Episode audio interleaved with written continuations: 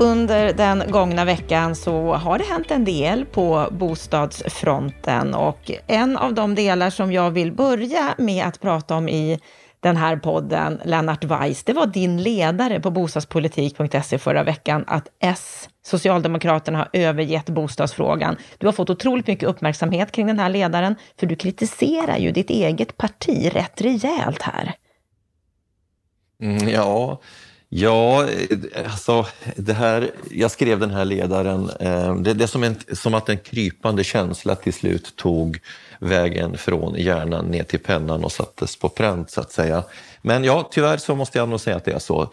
Eh, och, och egentligen så finns det två sidor utav saken. Det ena är hur man så att säga har valt att hantera bostadspolitiken i form. Socialdemokraterna har lämnat den till Miljöpartiet på statsrådsnivå. Det är Miljöpartiet som har ordföranden i civilutskottet. Nu fick också en miljöpartist det tunga uppdraget som utredare för det som skulle bli någon sorts modern bostadssocial utredning, alltså någon sorts replik på 30-talets stora utredning. Det visar att Socialdemokraterna inte vill vara där utan man lämnar den till eh, Miljöpartiet. Det tror jag var ett taktiskt misstag av de båda, för det finns ett väldigt stort symbolvärde. För... Var det ett övertänkt Ja, jag vet inte. Jag, att göra på det här sättet? Ja, jag tycker det var väldigt illa genomtänkt, för jag tror att det skadar dem båda. Eh, för Miljöpartiet, eh, jag menar, observera, det är inget fel på Carolina Skog. Jag tycker det är en utmärkt person. Jag tror hon blir en väldigt bra utredare och hon kommer säkert att göra vad hon kan för att tänja mandatet för utredningen. Men det är inte bra att ett parti som balanserar på 4 spärren så totalt dominerar en fråga som, som är liksom en utav ett fungerande välfärdssamhälles själva grundbultar. Det är inte bra. Men sen är det ju också bara att konstatera att själva direktivet till den här utredningen, och då är vi inne på den politiska aspekten av bostadsfrågan, den visar ju väldigt tydligt att ambitionerna är begränsade. Alltså det syns väldigt tydligt när man läser de här direktiven att det är en dålig kompromiss mellan olika krafter. Och det jag ju anar ju, ju längre jag läser av direktiven, det är ju att det är Finansdepartementet både tjänstemannasidan och den politiska sidan som har lagt sin blöta filt över de ambitioner som säkert fanns från början. För jag har ju hört viskat som att det fanns ambitioner i ett utkast 1 om att skapa banaväg för en ny, bost, för en ny egna hemsrörelse. Det fanns mycket mer långtgående ambitioner när det gällde unga och förstagångsköpare. Och, och egentligen så finns det väl två tankar kvar här från den socialdemokratiska sidan, att se över stat och kommun Ehm, kompetensfördelningen mellan stat och kommun. Men där jag tycker att direktiven andas som att kommunerna ska få ett ännu större ansvar för någonting som de inte har finansiella förutsättningar att klara än idag.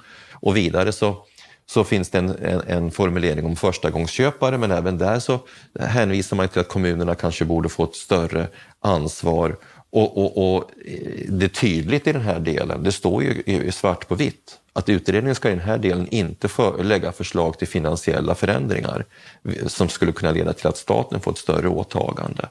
Och det ska ske i samråd med Finansinspektionen. Alltså det här säger allt. Det här, det här visar väldigt tydligt att det är Finansdepartementet och med dem förbundna myndigheter som, som egentligen styr de de, de verk, verkligt viktiga villkoren för bostadspolitiken.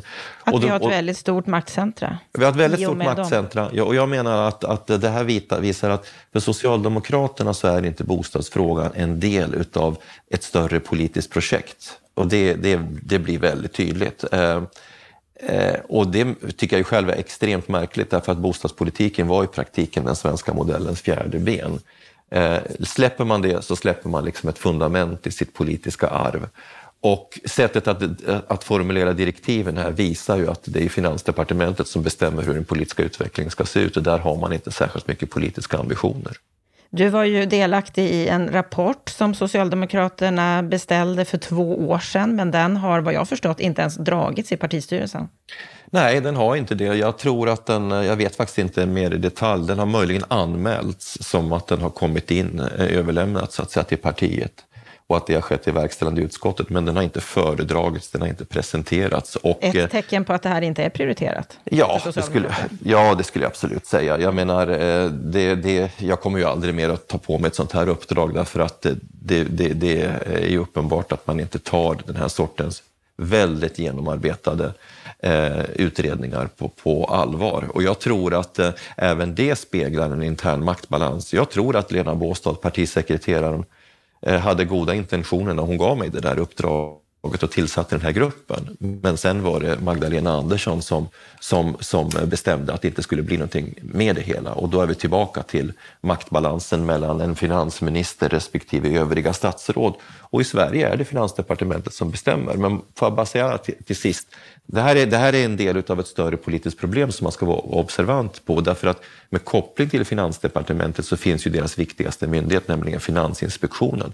Du har Riksgälden och sen har du med en lösare koppling eh, även eh, Riksbanken. Den är visserligen underställd riksdagen, men det är tre myndigheter och ett departement som jobbar väldigt tajt. De här människorna som jobbar på Finansdepartementet och, och, och de andra myndigheterna byter jobb med varandra. De äter lunch på samma ställen, de påverkar varandra, vilket ju innebär i praktiken att de förstärker sin egen världsuppfattning och grundsyn. Och det ser du i hela den här debatten om kreditrestriktioner och, och så vidare. Va? Och, de lever i sin egen filterbubbla. De, de lever i sin egen filterbubbla och de som är, är, är, väldigt, väldigt starka rent politiskt och kan blockera andra initiativ. Och det är det som blir så tydligt när man läser den här, de här utredningsdirektiven. Vi har definitivt inte tillsatt en bostadssocial utredning med samma mandat och förutsättningar att ändra saker och ting i grundläggande mening som vi gjorde på 30-talet. Långt därifrån. Vi ska gå vidare här i veckans Aktuellt och ta upp den byggprognos som byggföretagen kommit med i veckan. Det ser dystert ut framåt, Lennart. Ja, det gör det. Jag tycker att det är en väldigt välskriven prognos. De tecknade ju i sin första prognos som kom för några veckor sedan, precis när coronakrisen hade brutit ut, tre scenarier. Och de säger ju själva att utvecklingen tenderar att driva mot det mest negativa scenariot. Och i siffror så innebär det att de prognostiserar en nedgång av antalet påbörjade bostäder med 27 procent från en redan låg nivå. De tror att vi i år kommer att starta ungefär 35 000 bostäder. Det kan jämföras med 67 000 bostäder så sent som 2017 som Boverket då menade var för en, en för låg nivå för att byggandet skulle ligga i linje med den demografiska utvecklingen.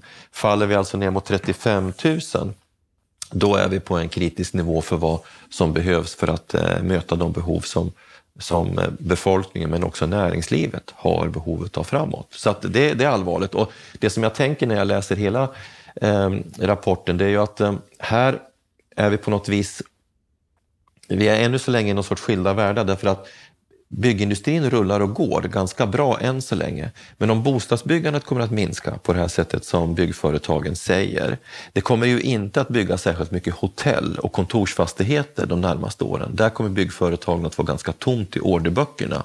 Logistik väldigt oklart. Så det som ju eh, man hoppades på, det var ju att bostadsbyggandet skulle upprätthållas på en hygglig nivå och att det skulle komma stimulanser för, till infrastruktur. Men infrastruktur skapar inte så många jobb som de andra delarna av byggsektorn. Så att för byggsektorn så är det här bekymmersamt och eftersom den svarar för en så stor andel av den ekonomiska tillväxten så signalerar ju det här en, en väldigt allvarlig risk för att den ekonomiska återhämtningen kommer gå långsammare än nödvändigt Det kommer helt enkelt påverka BNP-tillväxten negativt. Och, eh, så det här är allvarligt. Det, det här är en prognos att verkligen ta på allvar och, och, och fundera lite kring.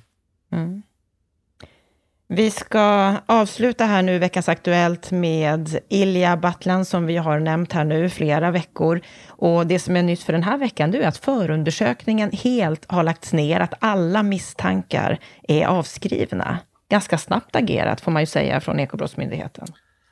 Ja, det får man ju säga. Jag valde ju att vara, eh, som man ska i en sån här situation, ha, ha, ha en distanserad attityd till själva eh, anklagelsepunkten. För det första visste vi inte så mycket om det, mer än att det var misstankar om, om eh, insiderbrott. Men jag hade ju mina dubier. Eh, det som jag ju framförallt kritiserade var ju den närmast hysteriska och osakliga journalistiken som framförallt Dagens Industri och Andreas Cervenka gick i bräschen för. Nu är Ilja helt friad och precis som du säger så har alltså åklagaren varit ovanligt tydlig med att det finns inga kvarstående misstankar. Därmed är han friad. Och då tycker jag att det finns anledning att, att återigen rikta blickarna mot journalistiken runt omkring. I dagens Dagens Industri så har ju då Andreas Cervenka skrivit en krönika som är ju, har någon form av friskrivningskaraktär vad gäller hans egen journalistik. Självklart, på en punkt har han ju rätt, självklart ska media nagelfara makthavare. Eh, att inte göra det vore ju tjänstefel. Men tyvärr fortsätter han ju att ge uttryck för rena felaktigheter. Han skriver till exempel i dagens krönika, citat, Ilja Batljan har sålt in aktien till tiotusentals småsparare som en trygg placering samtidigt som bolagets finansiella risk klassas som hög av oberoende bedömare som kreditvärderingsinstitut. Det är två väldigt grova fel här. För det första har Ilja mig veterligen aldrig sagt att det är en trygg placering. Han har sagt att samhällsfastigheter är en, är, är en trygg placering. Och det är de ju rimligtvis för de har ju 25-åriga kontrakt. Det finns en väldigt stark överblickbarhet. Dessutom så eh, är det ju inte så att SBB precis har någon skräpstatus. De jobbar och då har de varit tydliga med att öka, förbättra sin soliditet så att deras rating förbättras. Målet är att ha investment grade och de ligger där och skvalpar precis på marginalen. Men att de skulle ha någon sorts skräpstatus som ju Cervenka verkar eh, antyda här, eller som han ju faktiskt inte bara antyder utan skriver, det är fel. Det är sakligt sett fel. Så att eh, tramset fortsätter ju och det är ju tyvärr väldigt illa. Och, och det finns ju tyvärr ytterligare ett element i det här som jag som jag tycker att det är dags för inte minst Dagens Industri att eh, ta upp till diskussion. För Ilja Batljan är ju inte den första socialdemokraten som har gått från politik till näringsliv som hängs ut på ett närmast kvällstidningsmässigt sätt. Det har tidigare drabbat Anders Sundström, det har drabbat Göran Persson, det har drabbat Björn Rosengren. När det gäller socialdemokrater som går från politik till näringsliv, då blir journalistiken alltså det, att säga att den är kvällstidningsmässigt, det är nästan ett, ett vänligt omdöme. Den blir totalt hysterisk och osaklig. Och tyvärr är det då väldigt mycket Dagens Industri som går i bräschen för det här. Så att om Dagens Industri vill på något vis eh, vårda sin publicistiska trovärdighet så tycker jag att de ska sätta sig ner och analysera hur man har hanterat Ilja Batljan-affären.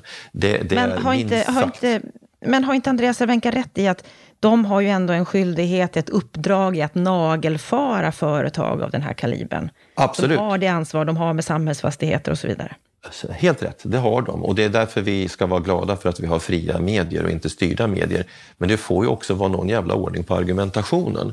Jag menar efter hans första krönika, den, den, eh, nu ska vi se här, jag har ju den framför mig, den första krönikan den 6 maj som jag kritiserade hårt, det var den som hade rubriken En historia av genvägar, som ju nu har visat sig vara en helt felaktig beskrivning. Så följde han upp den 15 maj och då skriver han, fortsätter han att hävda en felaktighet. Han skriver Ilja Batljan sparkades från Rikshem i december 2015 sedan det framkommit att han privat lämnat ett indikativt bud på en fastighet utan att först informera styrelsen. Den korrekta beskrivningen var att han hade lagt ett bud som förutsatte godkännande av styrelsen. Han hade informerat sin VD om den saken. Och detta står i den revisionsrapport som som, som, som Rikshem själva har gjort. Så i efterhand är ju Ilja friad. Då måste man ju skriva det om man vill vara en seriös krönikör och inte fortsätta att sprida felak, en felaktig beskrivning av sakförhållandena.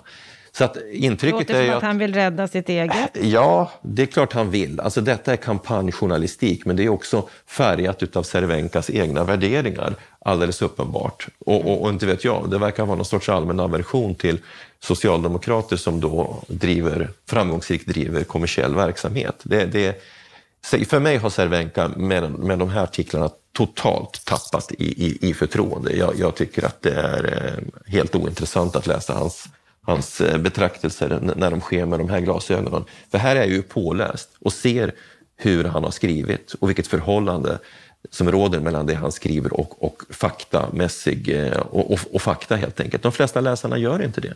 Men jag har gjort det och ser att han har fel på punkt efter punkt. Som vanligt så får vi uppmuntra våra lyssnare att alltid vara kritiska i det ni läser, men också i det ni hör. Har Lennart Weiss rätt i sin kritik här? Det får ni bilda er egen uppfattning om. Med det så tackar jag dig, Lennart Weiss, för veckans Aktuellt.